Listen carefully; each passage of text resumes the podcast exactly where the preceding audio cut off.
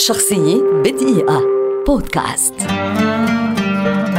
محمد رشدي مطرب مصري شهير ولد عام 1928 ويعد أحد رواد الأغنية الشعبية المصرية وواحدا من أبرز نجومها. صغيرا حفظ القرآن الكريم في كتاب القرية ثم انتقل إلى القاهرة ليلتحق بمعهد فؤاد الموسيقي. قبل أن يقدم أول أغنية له بعنوان قولوا لمأذون البلد فحققت نجاحا لافتا لاختلافها عن النمط الموسيقي السائد وقتها.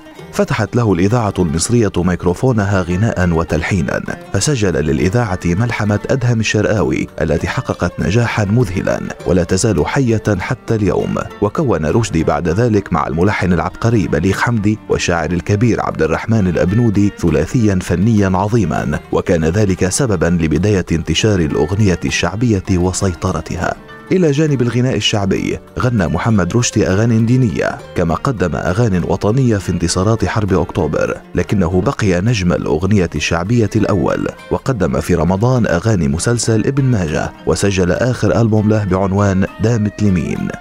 خلال مسيرته الحافلة خاض رشدي تجربة التمثيل في ستة أفلام سينمائية وقدم أغنيات لا تزال تغنى حتى وقتنا هذا وهي علامات مميزة في تاريخ الأغنية المصرية الشعبية تحديدا مثل حارة السقايين عدوية طاير يا هوى عالرملة مغرم صبابة كعب الغزال وغيرها.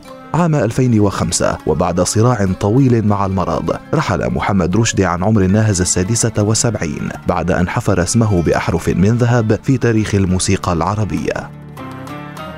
شخصية بدقيقة. بودكاست.